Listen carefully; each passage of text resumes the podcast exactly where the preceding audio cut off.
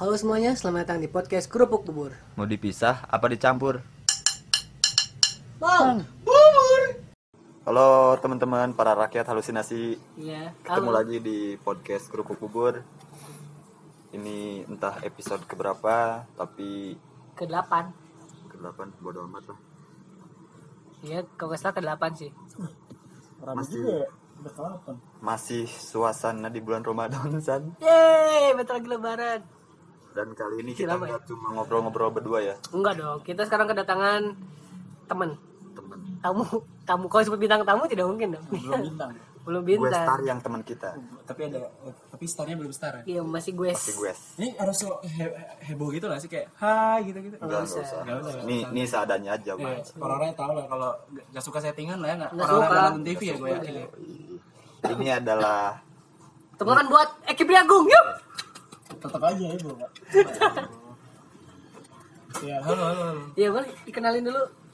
ya udah Anda itu siapa? Terus kesibukannya apa? Sekarang lagi gue gue bingung nih kalau memperkenalkan diri eh, terlalu self proclaiming paling gue bilangnya gue adalah eh, se- seorang yang sedang membangun eh, apa namanya keresahan dalam bentuk eh, s- storytelling entah itu mediumnya stand up atau komik gitu gitu ya itu sebenarnya adalah ngelesnya kalau gue lagi nganggur dah kalau belum dapat kerjaan gitu lagi apa katanya? gue adalah Lo ngebangun, ngebangun apa? yang ngebangun keresahan gue dalam bentuk Oke, story. jadi mungkin freelance lah ya. Bisa dibilang freelance juga. Eh, ya boleh lah, apa pun itu lah pekerja lepas ya masih masih lepas gak dapat gaji maksudnya. intinya masih mencari-cari gitulah Iya, masih dan, meraba-raba. dan masih mem- masih membangun bercerita ya. Dan ingin membangun dan menciptakan sebuah karya-karya dalam bentuk stand up atau komik kayak gitu. Iya. Tapi komiknya keren, boleh dicek komiknya Eki di Instagramnya. Ya, Eki Priagung. Kata Cipri Agung ntar eh, di deskripsi kita Wah, terima kasih teman-teman. cantumkan Ya, ya. meskipun yang subscribe kita baru sedikit nggak apa-apa oke terusan Siapa pun itu terima kasih kalau mengunjungin ya. So ini kita mau nanya ke Eki nih.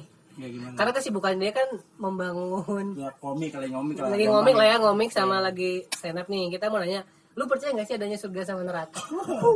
Ya, ini Itu sebuah- sangat-sangat pertanyaan ringan ya, gampang. Gampang banget ini gampang berhubungan banget. sekali ya itu Eh, ini emang sering saya dapatkan ketika lagi ke- pertama kali ketemu udah lama langsung pertanyaan-pertanyaan yang di awal gitu. emang kayak gitu ya awal. emang kayak gitu kayak udah udah, lama nggak ketemu eh sama teman lama gitu kan. kenal Luhut Panjaitan nggak gitu kayak gitu mirip-mirip gitu ya bang langsung nanya- langsung nanya anda, anda percaya kode dan kodar gitu. Ya kalau ketemu orang baru kan eh, eh mau ke mana? Gitu. nggak gitu ya kalau kalau Sandi ya. Surga dan neraka. Gue percaya sih sebenarnya. Gue percaya. Gue di level yang sebenarnya gue gue bisa yakin agama yang mau gue pilih pun apa. Karena gue tahu di belakang setelah gue mati ini eh, nggak mungkin dong udah kelar gitu aja pasti. Nanti tapi sejauh ini eh, gue pengen nikmatin nikmatin dulu untuk tidak memikirkan surga dan dunia. Eh, surga dan neraka konsekuensi di dunia gitu. Se- sejauh ini sejauh ini. Gue percaya itu. Tapi lu ada kecenderungan pingin ke surga? pasti lah pak. Pasti lah Pak. mana ada orang Cuman- yang pengen ke neraka sebenarnya sebenarnya gue mikir malah gini gue mikir eh, pun kalau gue masuk di surga nih nanti Oke. nih gue percaya eh, teroris-teroris yang kemarin ngebom gitu-gitu Hah? itu tuh adalah orang-orang yang jadi teman gue di surga. Dia bakal masuk surga juga. Gue yakin banget mereka masuk surga. Ini keyakinan gue kalaupun gue masuk surga. Itu yang pengen gue buktiin. Kenapa? Karena pas masuk kan nih set teroris yang terus ditanya sama Tuhan gitu.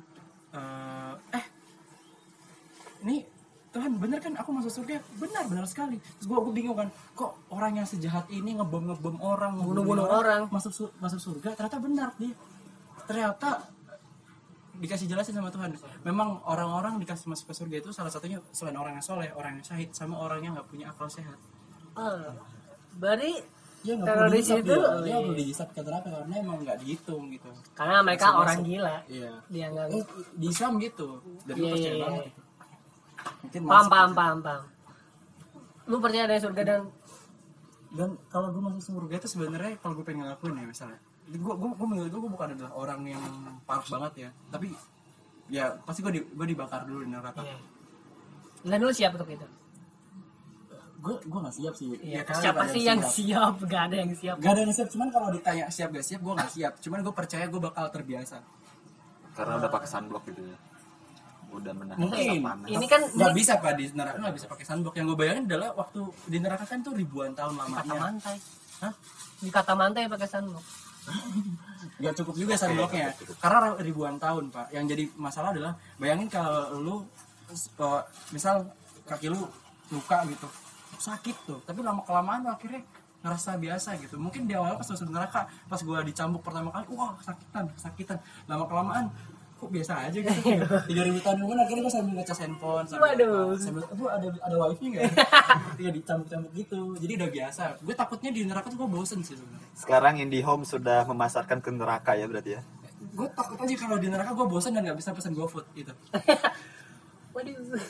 saya ngeliat aduh gimana nih? Ini masih lama. Ih, masih 3000 tahun lagi Waduh. Lapar nih. diskusi gitu sama yang lain. Oh, udah berapa tahun di sini wah dari kemarin ya baru dari kemarin masih ada 4000 tahun lagi. Gue takutnya bosan doang.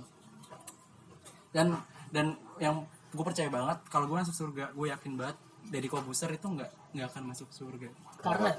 Karena Deddy Kobuser itu eh di surga tuh outfitnya kebanyakan orang pakai baju putih-putih Oh iya, dia awan-awan hitam. gitu Dia hitam, Nah, kan. mantep gitu si Deddy Kobuser nggak mau nggak bisa. Dia nggak bisa. neraka mending daripada pakai baju putih Idealis kali dia. nggak mau dia pasti dia terlalu kain kafan saya bukan orang Islam Oh iya benar. Kayak jas. iya orang makanya gua orang Islam tuh pede banget ya masuk pakai masuk liang lahat pakai kain kafan warna putih gitu biar outfitnya tuh nyambung sama surga bisa jadi Iya. ternyata mereka masuk neraka Sia-sia sekali berarti ya. ganti outfit pakai baju hitam Mau di neraka pakai baju hitam. ya gue mikirnya gitu kalau semua di film-film tuh surga tuh putih neraka tuh merah hitam gitu merah hitam tuh kayak PDI lah jadi PDI pasti masuk Iya. berarti sudah su- sudah kita dapat simpulkan bahwa Eki pendukung nomor tidak tidak tidak tidak tidak saya tidak memilih presiden tahun ini saya golput Oh jauh juga ya harus balik dulu ke Eh, saya di Bandung tinggal di Bandung sekarang. Oh KTP Sengaja, KTP. Bandung. Di KTP Bandung Tapi nggak nggak milih kemarin. nggak milih Kenapa nggak milih? aduh eh, karena sebenarnya Karena bukan pilihan. saya mikir dalam gitu kan pas di TPS itu harus foto kopi KTP jauh jadi saya mending Nah, tidur iya. di kosan Iya benar benar. itu pemikiran saya dalam banget di sini Tapi eh, golput itu lu nggak merasa dosa gitu? menurut gua semua semua orang yang berpikir kalau dia mau golput gak apa-apa asalkan dia bukan karena males tapi karena mikir gak apa-apa Jadi gini, jika satu hari ada satu hari nih tanpa dosa nih, oh iya ini sangat nyambung sekali ya dari golput ke situ apa yang mau lu lakuin? satu hari tanpa dosa Iya. kalau satu hari tanpa dosa eh gua kalau- ini pertanyaannya kalau satu hari tanpa dosa itu gimana Jadi Semua- maksudnya dos, semua orang satu hari itu doang? satu hari itu dosa dihalalkan. gitu. gua semua orang juga Semua orang, semua orang. oh iya Dan apa yang pengen lo lakuin? pokoknya dalam satu hari itu haram tuh nggak ada cuma halal doang nggak ada penjara juga Nggak bawa bebas Nggak ada. hukum hukum pidana nggak ada hukum akhirat nggak ada Nggak ada. Enggak ada. yang gue lakuin adalah ketika itu terjadi Tidur di kosan. semua orang bisa ngebunuh semua orang bisa memperkosa semua orang bisa ngerampok termasuk gua Pertanyaan yang pengen gue lakukan adalah simple sih Perkosa.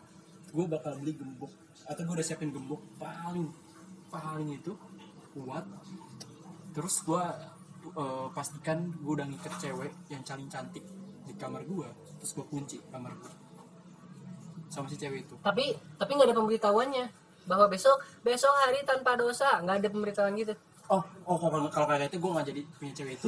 Yaudah gue kunci kamar gue selama berapa jam itu? Selama seh- seharian. Seharian, satu hari kan? ya gue nahan puasa selama sehari. Karena kalau gue keluar pas gue mau ngebunuh orang pas gue pengen ngerampok juga atau gue pengen memperkosa kemungkinan di belakang gue ada orang yang pengen iseng-iseng aja coba gimana ngebacok orang jadi gue sih kemungkinan mati gue gede. Jadi gue biarinnya sehari itu orang bebas ngelakuin apa aja.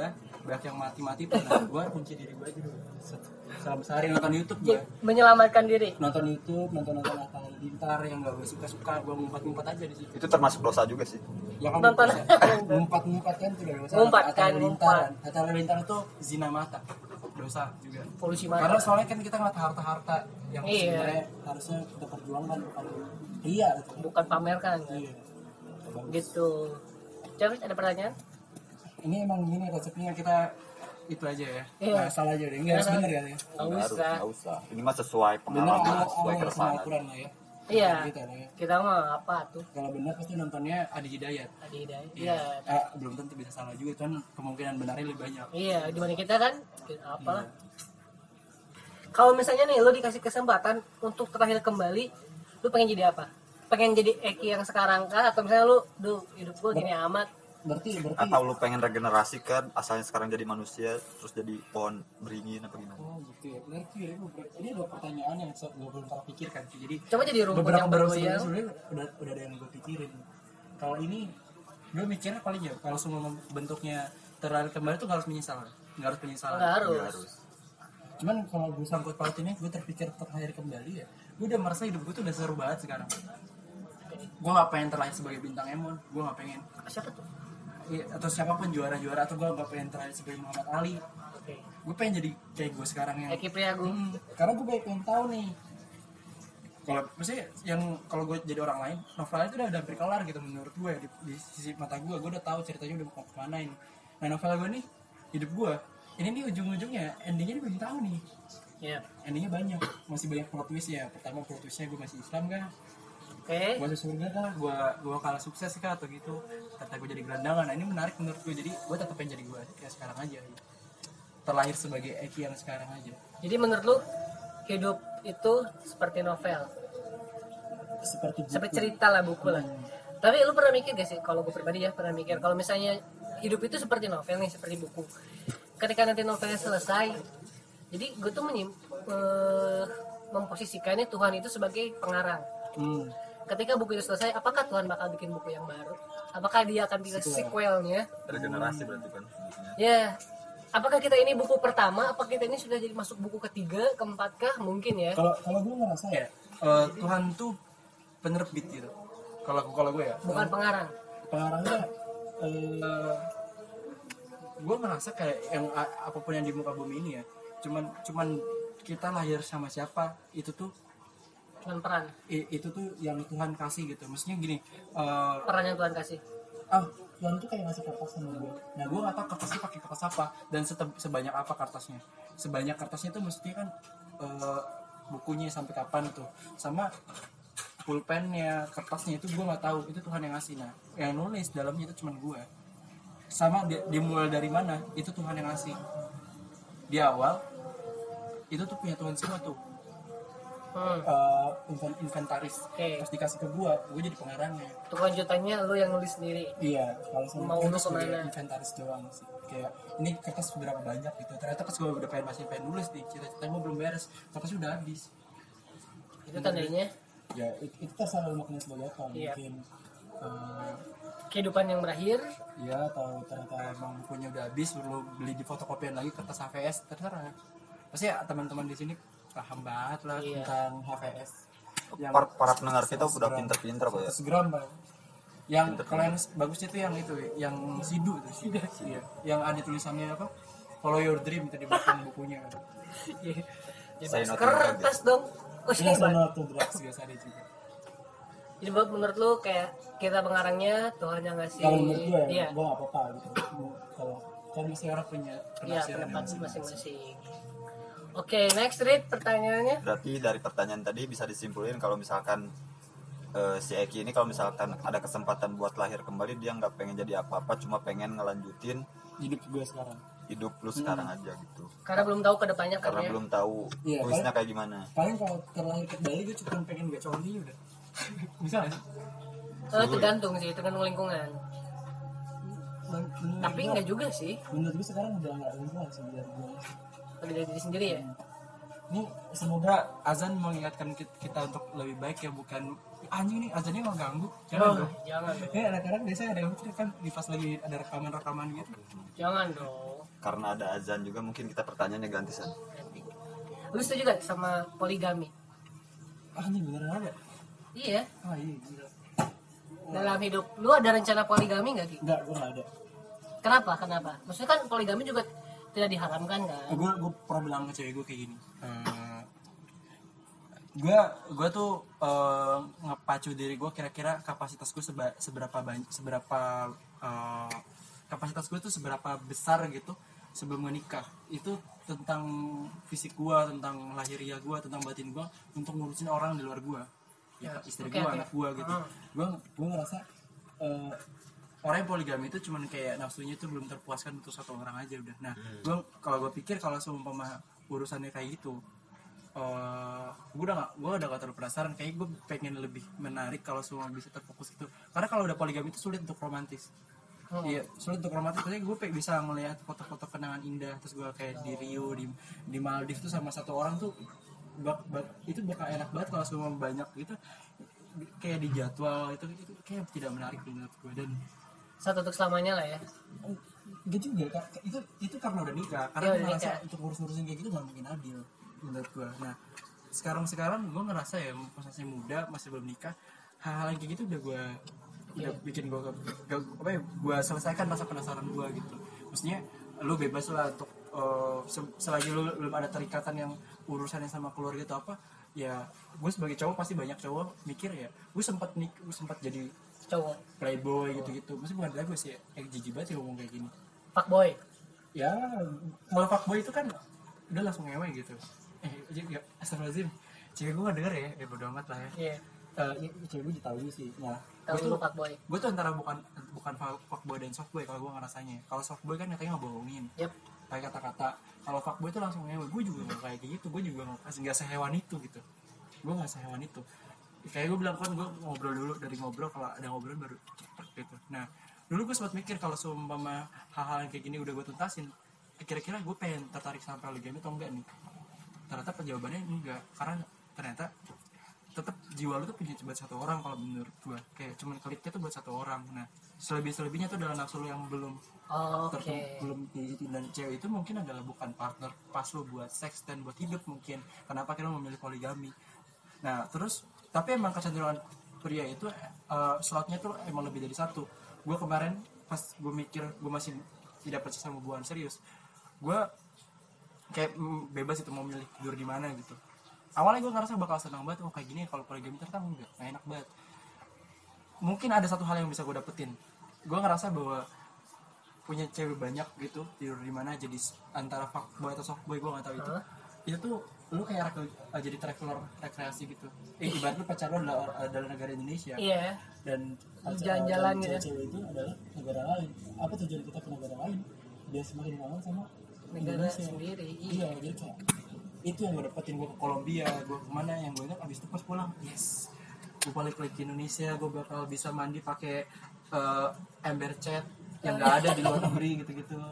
Gue bisa dengerin eh, bunyi tiang listrik jam 2 bisa ngenyot sosis gitu sama bakso kalau di luar negeri. Makannya gue bisa mandi pakai gayung love gitu? Iya itu itu bisa gue lakuin di Indonesia.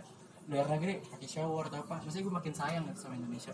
Itu mungkin cara orang untuk eh, memaknai eh, ya, entahlah cheatingnya dia. Iya. dan sejauh itu itu tuh bakal gue rubah prinsipnya pas gue udah mau nikah. Mungkin sekarang sih karena cewek gue denger. Jadi buat ceweknya Eki Eki pernah ke Kolombia berarti sampai sejauh ini lu percaya dengan cinta sejati? Percaya percaya banget. Percaya. Cinta sejati eh, apa ya gimana ya? Aduh jijik banget sih sebenarnya. Kayak menurut gue kalau lu ngerasa apa pun yang lu lakuin lu semua separah parah apa lu dihujat di dunia terus atau lu terus lu bisa pulang tempat tempat rumah lu gitu entah itu apa ya. Cinta sejati nggak bentukannya nggak harus orang ya maksud gue bebas itu apa. Nah yang nerima lu tetap bisa memeluk itu itu itu cinta sejati lu beberapa orang yang jidatnya warna biru sih bilangnya Allah Allah dulu Allah terus Allah lagi nah mungkin beda pemaknaan setiap orang tentang cinta sejati maksud gua tergantung ada mungkin yang love kan ada ada istilah katanya love is love kan Yes. love tuh nggak harus human gitu bisa aja Iya, apa makanya aja. makanya ada yang mau, mau ngesahkan sama LGBT Iya. sama bahkan ada yang sama tumbuhan sama pohon gue kepikiran mungkin ada aja Sama yang teh pucuk. yang love is love itu sama galon gitu. Iya, ada mungkin ya. Gua- kita nggak tahu kita kan. nggak tahu. Cinta sejatinya itu. Iya. lu tau nggak ada orang yang nikah sama pizza? Tahu itu eh. Ini juga nikah sama pizza. Emang sari roti pak? Bisa aja sari roti. Pas denger ya Apa sari ya? roti. Itu langsung kayak Kayak deg-degan gitu. kok gitu ya roti sari roti langsung orgasme bisa jadi gitu kita nggak tahu kita nggak tahu mungkin mungkin ada sepuluh ribu sepuluh miliar orang pak di dunia ini Iya. 10 miliar orang masa lu nggak percaya sih ada satu orang aja yang nikah sama bang utaman gitu enggak enggak enggak mungkin eh, maksudnya kita nggak tahu tapi ada pasti kan tapi ada Iya, mungkin aja. Itu kan cinta sejati, gue percaya sih. Tergantung memaknai. Bahkan nih, gue pernah dapat berita ada orang yang mm, mm, apa ya? Mandi. Mengklaim kalau mau klaim bahwa tembok Berlin Oh, yang iya. memisahkan Oh, Jerman sama iya, Barat iya, sama. Jerman Timur itu ada suaminya dan ketika Jerman Barat sama Jerman Timur nyatu temboknya diruntuhin itu dia bilang aku janda Wah, istri eh, suamiku direnggut suamiku negara di- jadi ada satu suamiku runtuh. dua du- berapa juta orang yang disatukan da- untuk melepaskan tembok itu menyatukan dua negara yang memakmurkan satu negara tapi, gara-gara kejadian itu yang memerdekakan dua negara itu ada satu orang yang, Yang tersakiti loh Jadi janda. suaminya dikorbankan mbak Tolong kepada orang-orang Jerman yang dengar ya. tolong dong ini tolong dikondisikan seperti apa Kondisikan jandanya. Di dunia itu ada 10 miliar orang dan lu masih ngarepin dia, bro. Tolong tembok Berlin pindahin ke tembok Cina ya. Biar ada pasangannya. Semua bisa jadi mungkin ada yang cinta sejatinya adalah podcast Iya. ini gitu kan Wah, semoga ada. kita nggak tahu Kita sendiri aja tidak cinta, Bro. Oke, dari tadi cerita-cerita Eki kan kayak berintelijen banget gitu ya. Menurut intelijen tuh gimana intelijen tuh kayak yang suka itu ya Kayak apa gitu. yang agen-agen yang suka jadi nasi goreng gitu intelijen. Iya. Kayak kayak menarik gitu hidupnya tuh. Iya kan? Iya, iya kan? Menurut menurut Nggak, itu kita tahu kayak menarik banget. Sudut-sudut pandangnya itu su- menarik, Iya, sudut pandangnya tuh gitu. menarik banget gitu. Nah, menurut lu sendiri hidup lu tuh udah menarik gak sih? Kalau misalkan ada kekurangan, lu kurang apa sih? Gue gue gue ngerasa ya kalau kata kata menarik itu bukan punya gue tapi punya kehidupan. Nah kehidupan gue tuh eh gue nih gue nih adalah orang yang hidup di muka bumi sedangkan di sekitaran gue yang bikin gue hidup. Gue kebayang aja gue nggak hidup kalau semua sekitaran gue juga udah mati gitu. Terus misal gue di Iya. kiamat cuman gue doang. Berarti udah gak ada penghidupan karena gue cuman gue karena menurut gue yang menyokong hidup gue adalah hidup-hidup orang lain juga. Nah menurut gue mungkin cerita-cerita hidup gue bisa dikatakan menarik itu bukan cuman karena guanya tapi karena Orang lain peran-peran di sekitar gue gitu di kehidupan lo ya. dan gue emang sering jadi karena gue ngerasa uh, gue gue bukan bilang menarik sih gue berani aja mengatakan hal-hal yang sebenarnya nggak berani diungkapin orang-orang pada umumnya tentang tentang tentang keluarganya Oke. yang yang kayak gimana gimana jadi akhirnya gue tuh jadi oh ketika gue buka itu itu tuh kayak gimana ya, kalau lu berperilaku atau berkata-kata uh, jadi diri lu lu bakal jadi magnet yang bakal nyedet orang-orang yang kira-kira setipe sama lu. Dari kira dan itu yang gue dapetin. Jadi setelah gue cerita yang kasar-kasar yang dark lah istilahnya yang tabu-tabu tentang hidup gue gue tuh jadi sering ketemu sama orang-orang yang berani cerita kalau dia adalah orang yang mantan Oke. diperkosa gitu-gitu yang Jadi orang-orang yang sebelumnya mereka tidak berani speak up, ketika ketemu Iya. sama lu mereka ngerasa punya teman. iya punya teman dan gitu, mau jadi terbuka. wadah gitu untuk kayak mau ah ini wadah bisa buat cek gitu loh buat Iya, cek iya. gitu Cerat Ya, gitu. bisa bisa cek gitu Iya. kok iya entah gue sebagai WC apa gue gak ngerti tapi intinya gue masih bisa bermanfaat lah Iya. ya, untuk jadi telinga Karena sebaik-baiknya manusia adalah yang bermanfaat bagi orang lain. Luar Dan- biasa itu quotes podcast kali ini. untuk untuk untuk apa ya gue tuh se, se- se- apa ya untuk hal-hal yang kelam gitu kalau emang gue bener-bener care kayak telinga gue tuh kalau semua jadi kayak eh, fast food gitu ada tulisan di sini buka 24 jam Jadi lu siap Dengerin. dengerin cerita eh, siapa pun. iya kalau semua gue ngerasa oh, ini perlu didengerin gue sering dengar orang yang pengen bunuh diri udah pengen udah, udah gini terus udah udah diperkosa gitu-gitu kena cabut pencabulan gitu-gitu. Kalau Gi gue rada-rada khawatir cuman ada juga yang cerita-cerita kayak gitu nggak tahu sih. Jadi biasa aja gitu. Gue nggak tahu itu menarik atau enggak teman sekitaran gue jadi menarik sih kalau dengerin ya karena banyak kan. Nggak cuman gue doang jadi banyak. Banyak, cuma mereka nggak berani bilang kan. banyak banyak yang maksudnya hidup gue menarik tuh nggak cuman gue Iya. doang banyak peran-peran yang membuat itu menarik yang nyari cerita-cerita aneh-aneh banyak di telinga gue banyak banget. Entah itu yang kece- cerita-cerita konyol cerita-cerita serem ada semua kayaknya di di umur gue 23 gue nggak tahu nih umur gue sampai kapan terus gue bakal di 24 cerita-cerita yang kayak gimana. Eh, gimana? jangan jangan. 23 4 hari jangan dulu. Bukan. Nggak, sebagai kita doain.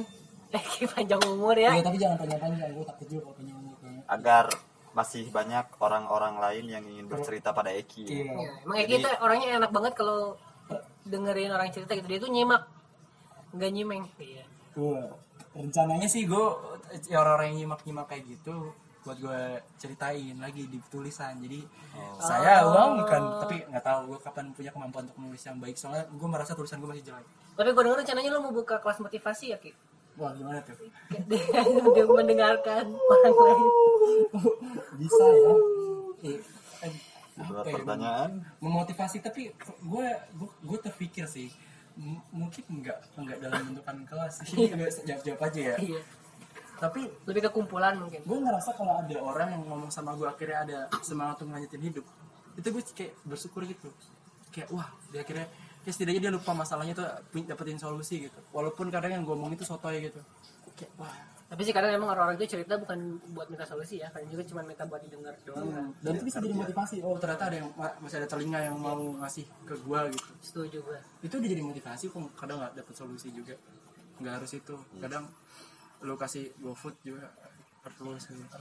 Kalau cewek lu kan. Karena semua masalah kan gak tentu ada solusinya kan. Iya. belum semua masalah ada solusinya. Belum. Tapi tapi biasa pasti kalau ada. ada masalah tuh kita lapar ya perlu makan gitu. Makan sih biasanya. Iya perlu makan.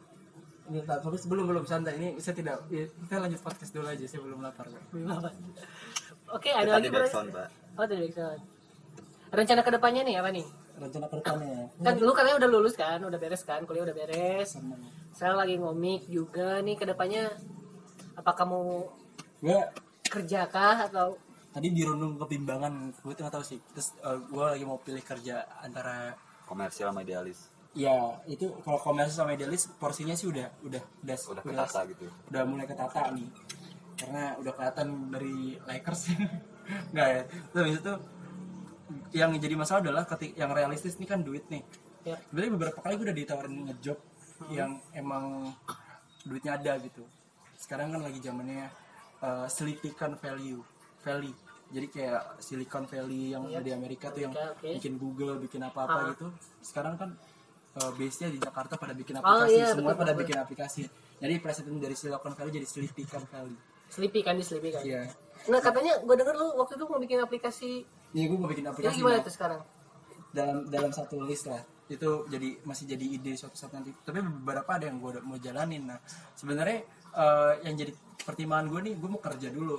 Sembari gue lagi bikin usaha buat bikin aplikasi.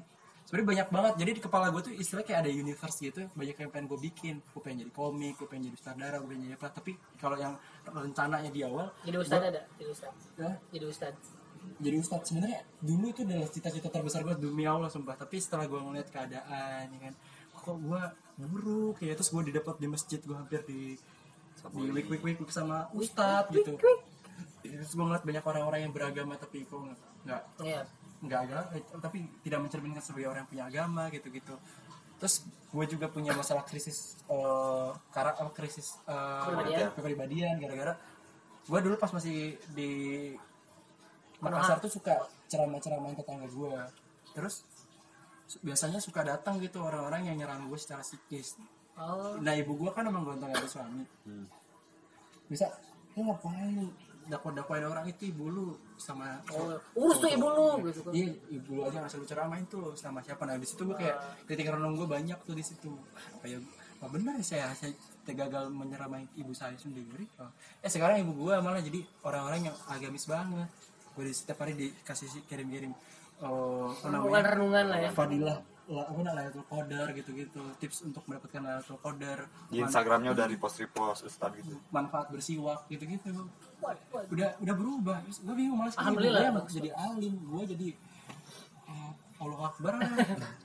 Aduh nah sekarang set- setelah gue ngeliat gue tuh semakin jauh dari situ. Akhirnya gue realistis. Dari kecil gue tuh diajarkan kayak untuk selalu suka sama eh, beda dari, dari lingkungan. Gue suka nunjukin sesuatu. Gue tuh suka- sama pertunjukan. Dulu pas masih kecil gue tuh bakal ngelakuin apa aja biar dapet tepuk tangan. Gue makan kembang gue gue joget-joget gue jadi reok-reok jo- eh, itu loncat-loncat gitu. Oh mikir, caper gitu ya? Iya gue mikir gue ternyata caper orangnya. Nah gue mikir gimana caper yang baik gitu. Terus kayak akhirnya gue ketemu oh gue berkesenian yang bagus buat gue jadi akhirnya agama saya keep dulu sana. Nanti di keep di, di koper gitu. Saya kunci dulu. Tapi mungkin kalau suatu saat nanti suatu saat, suatu saat nanti gue udah mentok nih usaha udah ada ini udah ada udah bikin film. Umur kok masih panjang. Saya sahadat sahadat lagi yang bener aja gitu sambil zikir kali. Jadi anda yakin sekali umurnya panjang? Tapi nggak ya nggak yakin juga sih sebenarnya. Gue juga nggak berharap umur harap panjang. harap ya. Harapannya sih berharap ya nggak salah dong berharap. 60 70 enam tiga lah ya enam tiga lah rasul gitu kan. Iya nggak apa-apa 63 nggak apa-apa lah santai lah 63 nggak udah. bisa kurang itu? Jangan bawa modal segitu kalau di Rasul. Nah, it kalau rencana-rencana gue paling sekarang tuh gue bingung mau pilih di aplikasi UX gitu gue ngerjain eh, yang kayak yang duitnya banyak atau yang eh, realistis tapi tetap ada idealisme gue bener kata si si itu gue udah Si udah terukur kata si Farid. Jadi atas nama. Tidak saya masih ingat dong saya nggak saya saya, saya kebanyakan Pak. Gak apa jadi kita yang berdua aja. Ah, jadi gue gue bingung nih gue antara mau masuk agensi periklanan. Karena kalau di periklanan tuh gue masih bisa mikir yang kayak ngelawak gitu. Iya. Nah kalau di UX tuh Ada aturannya kan. U- U- UX user experience tuh gue jadi cuma ngobrol sama klien. Iya. inti gue suka sama ngomong. Nah tapi gue capek kalau cuma ngomong doang sama orang. Gue tuh lebih suka ngomongnya habis itu digali ini apa sih maknanya? Apa sih intinya? gitu. Nah itu cuma ada di iklan. Makanya kalau iklan-iklan yang kayak bisa bikin ih lucu juga nih iklan Ramayana itu tuh ada proses psikologi yang dipelajari gitu. Iya benar ada ada nah kalau semua di UX tuh paling psikologi gimana cara lu tetap bisa ada di handphone itu? Kayak gimana caranya orang tetap bisa megang itu buat ngegame? Gimana cara lu tetap ngebawa waktu buat Instagram? Nah paling itu yang gue pelajarin. Nah gue bingung mau milih yang mana. Selam sembari itu gue tuh juga juga pengen stand up jadi kalau sama gue udah ngilangin ini semua yang realistis realistis gue udah punya duit gue pengen aja sekarang jadi orang yang itu dari bercerita entah itu dari komik entah itu dari stand up entah itu dari film. Kalau film belum sih karena Motivator. motivator. Motivator. Jijik sih. Penulis buku. penulis buku paling jadi dan sekarang tuh lagi gue susun gue udah nulis nulis novel komik. Komik gue nulis stand up, stand up ya pokoknya nggak ada waktu eh, itu lah pokoknya nulis nulis terus Sibuk lah ya, sibuk lah, sibuk nulis. I- iya sih sibuk. Puisi juga lu tekunin? Puisi itu cuma ya, jadi puisi tuh kayak sampahnya gue gitu loh. Puisi tuh kayak fase perenungan gitu. fase perenungan. Jadi kalau lu udah ngerenung kata-katanya masih hancur-hancuran kan jadi puisin aja dulu nah ntar kalau semua udah udah tahu nih intinya ini nah habis itu bahasa komunikatifnya motivator di, di motivator di stand up atau di komik gitu-gitu Pantun nulis juga pantun. pantun kalau semua mau ketemu sama orang-orang Betawi sama orang Melayu Cakep. sedap gitu, gitu.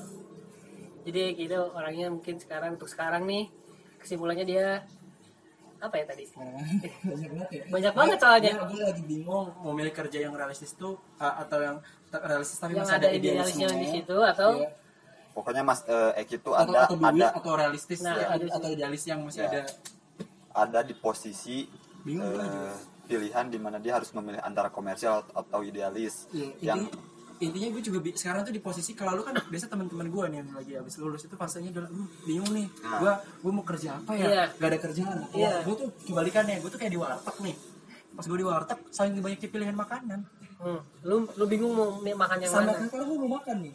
Sekarang gue geran puasa di warteg gue bingung makan apa? Sampai sekarang gue gak makan makan. Gue gak kerja kerja karena gue bingung.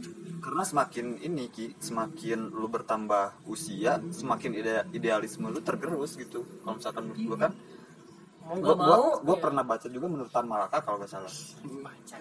gokil ya gak apa-apa biar percaya Ide- aja dulu ya idealisme itu adalah harta paling penting yang, Berharga. yang paling mewah dulu paling mewah terakhir yang dimiliki oleh para remaja gitu sebelum mereka menginjak umur kedewasaan Iya. Nah sekarang mungkin gue mikirnya tuh sekarang gue mau nggak mau kerja dulu. Cek ibu gua, pacar gua tuh pada ngirim-ngirimin lowongan-lowongan kerja kayak itu terus ada teman-teman gue yang ki udah masuk aja nggak usah pakai CV gitu-gitu. Gue takut, gue takut bangun pagi gitu. tapi email lu email lu belum dipenuhi nama Lina Job Street Belum, belum. Belum. Tapi, tapi WhatsApp gue udah udah banyak traveloka gitu-gitu. Ki ini lagi buka nih. Ki portfolio gue masukin ya. Cewek gue sampai sampai nyomot portofolio gue terus dikirim sendiri. Saking keselnya gue udah sebulan kan ini ya, ngomik-ngomik gitu-gitu. Tapi kan cewek gue rada-rada diam pas mulai kelihatan itunya. Nah kalau ibu gue kan nggak mungkin bisa gue jelasin nih gue di Instagram ngapain kan bingung kan kalau ngomong ke ortu kan. Jadi Emang ortu lu nggak main Instagram? Enggak, takut gue juga kalau dia main pasti kebanyakan pakai filter yang buka mulut terus yang itu ah, muter itu sama pak itu terus Iya. serem juga pak kalau misalkan Iya. orang tuh pakai Instagram pak takutnya apa namanya orang orang orang di WhatsApp aja story gue di hide ke keluarga Oh ya? Pantesan ada tidak pernah bikin story di WhatsApp. ibu gue takutnya sore-sore yang aneh-aneh tapi enggak sih tapi malas aja gue kalau sama foto keluarga terus di tag ke gue gitu gitu aduh malas banget Ah, Di Jonas fotonya. enggak sih gue gue menghindari di keluarga gue juga kurang suka eh sebenarnya oh iya ada pekerja di Jonas Tidak, sudah tidak. sudah Sudah tidak tidak. Apa itu Jonas? saya tidak terlalu itu suka di tempat-tempat yang sering dikunjungin orang itunya kayak foto-foto gitu semua orang sama fotonya kayak gitu. Betul sekali. Anda betul sekali. sama ya senyum lebih rapat lagi. Waduh gue Satu dua ci. ayo gaya bebas. Lah terus tadi emang gak bebas? Diatur padahal gitu-gitu. Jadi aduh sulit sulit. Gue tuh lagi bingung aja. Kadang makanya lu perlu ke tempat makan yang cuma menyediakan satu menu biar lu gak pusing. Iya di ayam geprek mensu nggak kayak gitu gitu lu tahu udah lu dari awal lu udah mau tahu itu ayam geprek bensu. Itu ibaratnya adalah orang yang pas lulus itu tuh kerjanya sesuai dengan jurusannya. Dari kecil emang dia mau memberikan itu. Gue bingung sama orang-orang yang bisa eh, ngedidik anaknya untuk ketemu sama jati dirinya dari kecil gitu. Kalau gue gue nih ya gue SMP akuntansi kayak lu. Eh, SD eh, SMP nih. Dari SMP gue olimpiade biologi masuk kuliah gue gua. jurusan desain. Jurusan desain. Gak nyambung semua kuliah jurusan gue mungkin gue lulus jadi kopassus mungkin. Gue gak batu tahu. jajar dong bro. Iya bro. Kalau tahu. kalau gue mikirnya kalau gue sekarang kuliah kan sekarang gue jurusan dari buku siapa kan. nih dari buku siapa ini? Enggak juga sih, dia, dia mikirnya. Mak. kuliah jurusan akuntansi. Gue mikir kalau misalkan untuk eh, jalur akademik itu untuk jalan komersial gue kalau misalkan dari perkuliahan gitu. Kalau misalkan idealisme itu gue eh, ngejalanin di luar jalur akademis. Jadi di luar perkuliahan di luar apa itu idealisme gue di situ tumbuh gitu. Anjir. Makanya gue ngefokusinnya jalur akademis khusus untuk komersil. Idealis bisa aja di- eh, dari mana aja gue belajar kayak gitu. iya. Apa ya? Eh, jadi gue nggak bingung lagi nih. Ketika lulus kuliah gue pengen idealisme gue ada nih. Tapi gue butuh komersil gitu loh. Nah kalau misalkan udah ketata gitu udah keukur kan enak kayak gitu. Kalau gue gitu. Paling gue mikirnya eh, karena gue mikirnya itu apa namanya gue tuh takut aja di kan, dengan rutinitas kantor yang akhirnya gue kecebak sama duitnya yang Nah. gede. Nah. Sembari gue tuh belum mempersiapkan idealisme gue tuh udah dibuktikan seberapa besar sih gitu. Maksudnya gini sebenarnya gue targetnya gampang sih. Gue mau kerja di di di entah di agensi dan di UX tuh pilih pilihannya bebas sih gue nggak terlalu takut sih. Gue tuh is- istilahnya komik gue udah ke post berapa panel gitu. Jadi pas orang liat galeri gue udah mulai kelihatan gitu. Terus eh, stand up gue tuh eh, apa ya udah tertata gitu. Yang mana premis yang mana udah udah itu terus yang mana rapi yang mana dalam banget. Nah itu udah gue tulis dengan rapi. Jadi pas gue di, di tempat kerja pas gue mau open mic dengan sela-sela rutinitas untuk eh, apa ya kasih makan jiwa gue buat idealisme gue tetap hidup. Itu tuh ada. Masalahnya gue takut sih gue eh, idealisme belum gue persiapin. Udah ngomong-ngomong idealisme aja terus sampai pas gue kerja gue lupa. Gue wah lo gue belum bikin materi. Gak ada waktu lagi gitu. Jadi sekarang amunisi gue siapin semua pas gue mau kerja. Itu bu- urusannya bukan lagi gue kerja tapi gue udah perang. Gue perang sama ngadepin realistis gue bisa hidup bisa napas. Tapi gue juga bisa ngidupin jiwa gue gitu. Makanya ngomik itu sekarang lagi ternyata sulit. Nyetok komik itu sulit banget. Gue ngerasa nih ide ini udah ada banyak nih. Tapi mood lu untuk ngerjain ini aduh kok ini kayaknya nggak banget ya? Ini aduh sulit sekali, banget sumpah. sulit sekali. Makanya gue mulai mulai pelan pelan gue ngebangun komik sebenarnya tahun lalu. Cuman gue baru baru berani ngupload tahun ini gitu. Tahun ini dan itu emang sulit sih. Bahan udah ada nih ngerjainnya itu yang udah ada ide mengawali itu sulit san. Gue udah bikin udah bikin satu Makanya. panel. Udah berapa kali? Kok jelek ya hasilnya? Gue buang gue hapus tapi emang rata gitu ya bang. Misalnya kita bikin Ber- berarti komik lu nih. termasuk orang yang perfeksionis juga ya? Kalau semua waktunya belum datang ya kalau ya gue adalah orang yang ngerjain sesuatu itu tuh bener-bener harus kayak ada petirnya tuh Ah. ada tiga biji harus daunnya ada empat gitu ngepak gitu. Pas gue ketemu jebret. Wah baru gue ngerjain. Rilisnya harus pas udah nggak ada berak yang mau yang mau keluar. Pokoknya harus pas gitu intinya. Kayak meri kayak emang ada perfeksionis makanya gue mikir ya gue adalah orang yang mungkin bisa ngerjain sesuatu nggak nggak terlalu bisa bener-bener jadi orang yang rajin. Orang yang pas ambisius gue tuh bisa terukur bisa gue wujudin adalah orang-orang yang deadlineer gitu. Orang-orang yang sadar akan waktunya. Misal gue mungkin gue adalah orang yang bakal bisa menakjubkan banget kalau gue kena kanker otak gitu.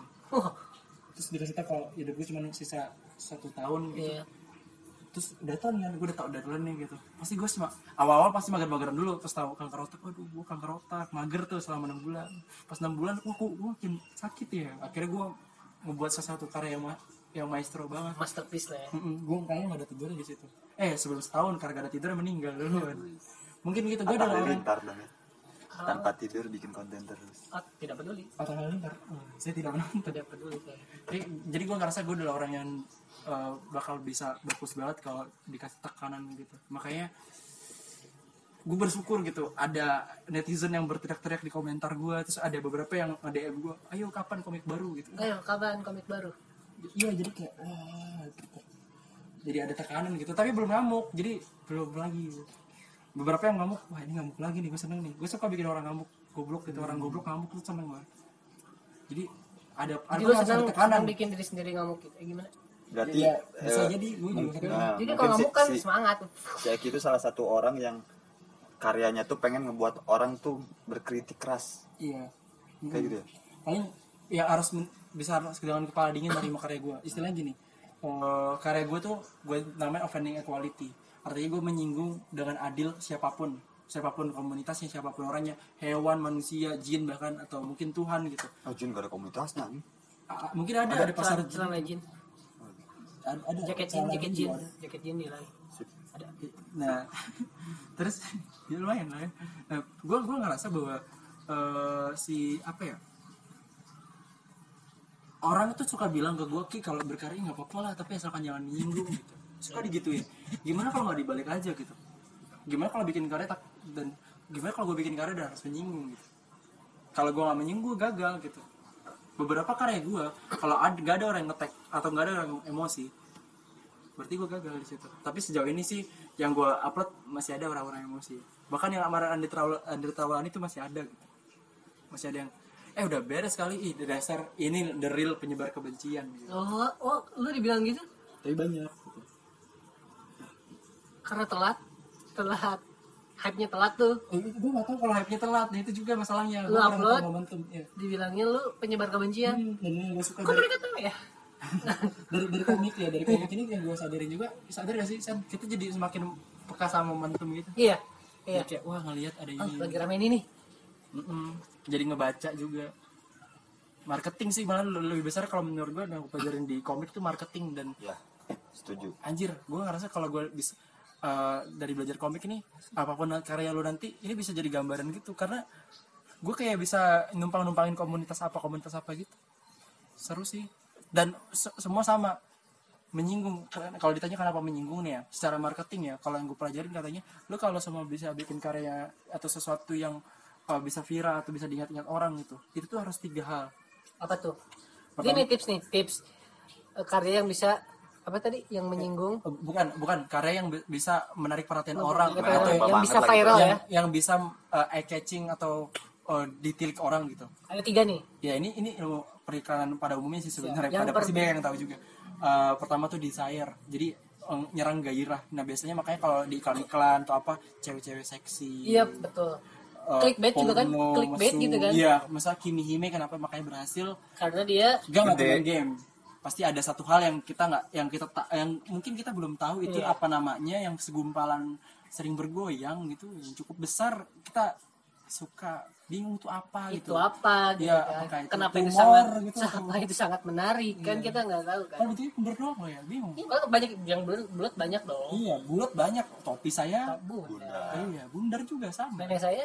Bunda bunda bunda bundar ini apa nih? Nenekmu bundar ya?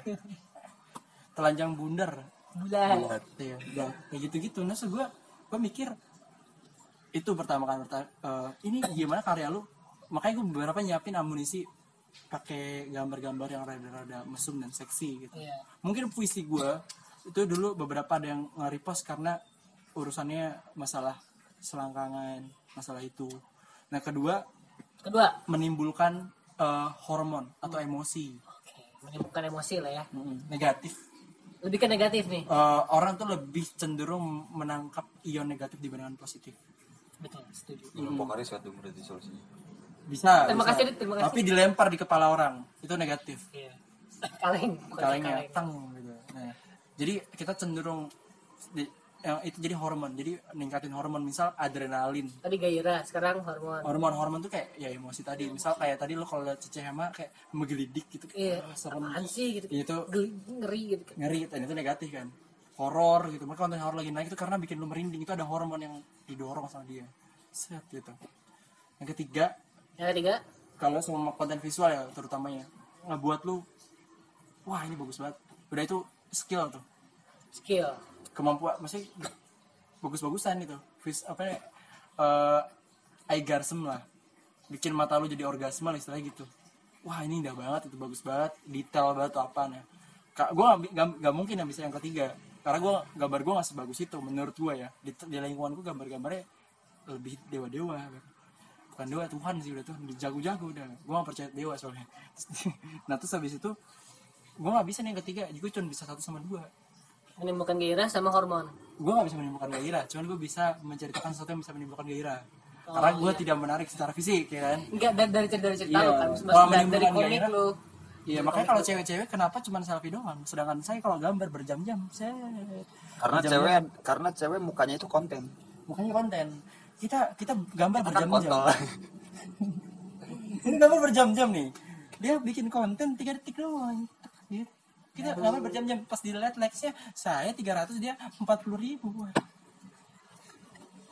Memang sulit jadi orang yang berkarya terus dibandingin sama foto selfie. Sulit. Bayangkan galeri anda anda bandingin sama selebgram selebgram yang sudah berapa? Lihat likesnya. Selebgram itu apa sih? Dia cuma bikin berapa detik?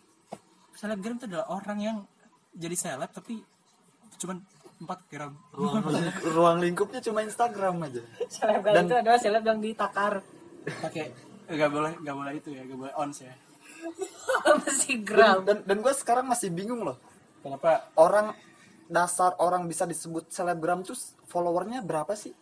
Jadi selebgram itu ada orang yang oh iya itu takarannya berapa ya? Sekarangnya masih bingung loh gue apakah dari kebanyakan dia ngendorse eh, itu kalau di link kalau menurut gue lingkungannya adalah lingkungan yang di di antara te- teman-teman yang followers dia tuh termasuk banyak udah dibilang selebgram. Oh. Gitu. Di atau sini lingkungan lu followersnya cuma 300 lu tapi sendiri? dikenal kalau istilah followersnya mati juga yang Iya, kenal kenal dia percuma. bot kan percuma. Yang kenal dia eh, pelangsing badan Iya. gitu atau Iya. sepatu murah gitu kan sulit ya.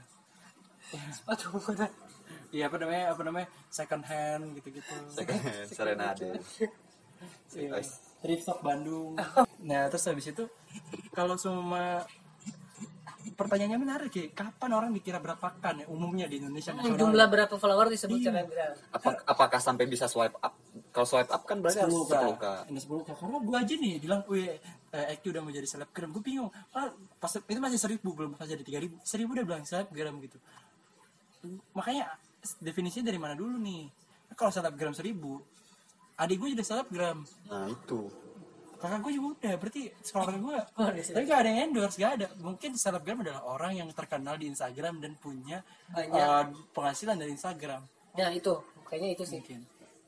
Dapat penghasilan dari Instagram kayaknya. Dan dan yang jadi syaratnya tuh badan itu ya persona dia bukan Persona, sepatu bukan bukan, bukan bukan produk dia. bukan jaket sukajan Bandung bukan bukan itu nggak sele- selebgram selebgramnya mana? Apa namanya? Namanya obat pelangsing pemutih wah. Bukan. kayaknya bukan. Tapi persona dia sendiri. Raja ngakak bukan selebgram. Raja ngakak bukan. Itu bukan sama platform platform buat itu ya. Aurece bukan. Bukan selebgram berarti Bukan selebgram itu harus orang berarti. Seorang. Mm-mm. karena nggak di nggak bisa anjing. Anjing kan juga ada yang terkenal kan di Instagram. Ada- tergantung anjingnya dulu. Itu bisa jadi seleb juga. Bisa bisa. Anjing jadi anjing. bukan anjing. Anjing. Selebriti ya pecinta anjing gak akan tersinggung pak. Kalian kalau punya punya anak bakal dibikinin itu nggak Instagram nggak? Kalau gue sih bakal. Bakal kecewa nggak kalau ternyata nama anak lu ada udah ada username yang make dan harus pakai angka? Kecewa. Serius. misalnya nih nama anak gue Kayak nama misalnya prototype gitu ya? Budiman. Iya. Lahir tahun 2023 Budiman 2023 kayak gitu. iya makanya gue kayak gue salah satu hal yang eh, pekerjaan kita yang lebih ribet nanti kita harus kasih nama anak kita yang username masih available di Instagram. Setuju. Mm. setuju tapi aduh gue kayaknya nggak bakal kasih nama anak di Instagram. Gue nggak pengen kasih nama anak di Instagram karena pertanyaan gue satu pas gue punya anak ini anak gue bener-bener autis atau normal? Kalau dia autis kayaknya bener gue di dalam aja. Gue bakal sayang sama dia gitu. Tapi bukan untuk di sosmed gue tunjukin gitu. Gue nggak boleh pamri langsung serem ya. Oh, udah, udah mikir anaknya autis apa enggak kan itu tergantung bibit-bibit bobotnya Ber- gak ada yang tahu pak. berarti si Eki ini nggak akan ngasih nama anaknya tuh kayak Muhammad Sandi Iya kayak nggak kalau Muhammad nggak Pak. Fikri justru kalau kalau kalau Dani. kalau Sandi jarang lah kalau kayak Rizky Adit itu lebih banyak loh. Sandi itu jarang. Sandi Mas- banyak mas kalau banyak. ada kata-katanya? Uno? kata Sandi gitu. Waduh. Sulit ya. Waduh bintang itu yang bintang, jokes-jokesnya kayak bintang, gitu ya bintang, gue belum bintang. merasa jadi para pandai jadi kalau kalau kalau gue karena mikirnya gini soal masalah cek anak eh, apa ya? Tapi lu kalau punya anak bakal eh, itu nggak sih? Maksudnya perpaduan antara nama ayah dan ibu gitu. Wah enggak sih gua enggak Eki dan Nita Oh, gua nggak jadi sih, gua namanya kepikiran kita gitu, gitu misalnya. Itu kayaknya nggak mau mikir ya kalau ini. Soalnya ada namanya Sandi dan Gege anaknya Sange gitu. Gigi gigi teh Tama sama hey! Tama sama Indah jadi Tai gitu kan kayaknya Ibas sama Kokom. Jadi kom. Baskom oh iya jadi Eki sama Weni jadi Ewe gitu. Iya kan gak enak. Jadi Enak. nggak bisa. Gue cewek gue namanya Dinda sih. Eki Eki Dinda di Diki Diki. Jelek ya. Nah, nama-nama penjaga fotokopian. Dia dia dan Fotokopian. fotokopian Diki. Jadi gue mager kayak kalau pasti eh, sebenarnya lu Instagram papung ya? Kayak gue Instagram Instagram ya cek kayak gue gak bakal bikin Instagram sih buat anak gue tapi kan tadi kita ngomongin surga neraka nih. Itu ada hubungannya sama Instagram kira ada ada. Ada ya? Ada. Di di neraka tuh nanti ya itu tuh ada siksaan yang cuma berlaku cuma sampai 24 jam. Pas 24 jam udah hilang tuh siksaannya. Apa tuh? Itu nanti orang-orang yang ngucapin selamat Natal. Oh iya. Saya cuma satu hari? Sehari doang itu. Kasih korek gitu doang apa nas ini, ini kenapa karena mau cerita selamat Natal Oke, mungkin cukup sekian ya untuk episode kali ini. Terima kasih kepada Eki Priagung yang sudah meluangkan waktunya. semoga ada yang bisa tidak diambil Oh iya, sarannya nih terakhir nih. Saran dari Eki buat para pendengar yang mungkin sekarang ada di posisi di mana dia harus memilih komersil atau idealis atau yang baru lulus nih ngegabut kayak gimana nih. Saran lu.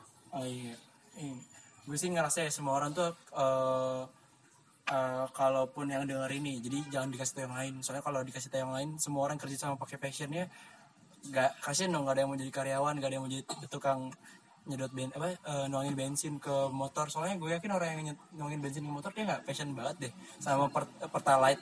Nggak ada orang yang Betul. Iya, atau hobi nuangin pertalite atau jadi janitor gitu itu eh, bersihin lantai kayak gue nggak yakin dia benar passion banget kecuali Marie Kondo. Eh, ya mungkin ya nonton Netflix. Nggak tahu. Jadi jadi kalau menurut gue yang pertama balikin kalau lu masih ada waktu untuk bisa nanya ke diri lu lu tuh sebenarnya sukanya apa? Ya coba lu lakuin dulu. Kalau ternyata lu itu jadi duit kayak bakal menyenangkan banget ya sih kalau eh, itu bisa lo lakuin sembari ngebangun karir lo yang eh, entah itu masih realistis entah cuma buat penghidupan dulu gitu. Karena eh, sebaik-baiknya karir adalah yang ketika lo berangkat kerja dengan tersenyum itu dia Itu adalah saran dari Eki. Mungkin dari Sandi ada saran?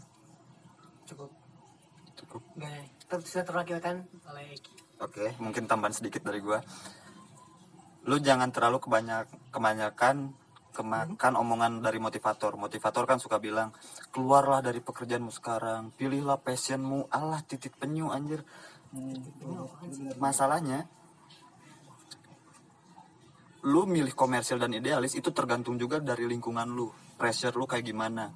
Semisal kalau misalkan keluarga lu udah pisah, lu hidup sendiri, otomatis lu harus mementingkan komersial daripada idealis menurut gua. Soalnya kenapa? Soalnya komersial adalah salah satunya salah satu cara untuk mempercepat lu mendapatkan uang. Sedangkan idealis oke nantinya akan mendapatkan uang eh, dan lu bahagia gitu. Tapi pendapatannya sedikit gitu dibanding yang, yang Iya. komersial. Jadi balik lagi ke tujuan lu dan pressure lu kayak gimana gitu yang didapat. ya kira-kira tanggung jawabnya udah sebesar apa untuk untuk segera butuh duit ya Ya. kalau sama umpama lo emang masih bisa leha-leha maksudnya tahu diri dulu aja sih tuh, tahu diri tahu waktu sama eh, tahu tahu tanggung jawab lah tahu bulat. crispy juga enak sih ya. Iya. Saya tadi masa dilewatin aja jokesnya harus ditambahin. Eh, Tadi ada dari, dari awal nge-jokes juga sih Pak. Tadi teman-teman jangan lupa di jokes kita dibuka dengan jokesnya Sandi. Eh, udah, ya udah lebaran itu udah mau deket lebaran nih. Terus dia ternyata yang benerin sendiri. Oh masih lama ya. Oke saya sedih karena saya masih belum dikenalkan jadi udah ya. Oke cukup sekian. Sampai jumpa lagi di podcast kerupuk bubur berikutnya. Jangan lupa like share subscribe dan komen. Kalau misalkan gak suka ya bodo amat lah terserah kalian. Oke dah. Udah udah udah. Kraus. Kraus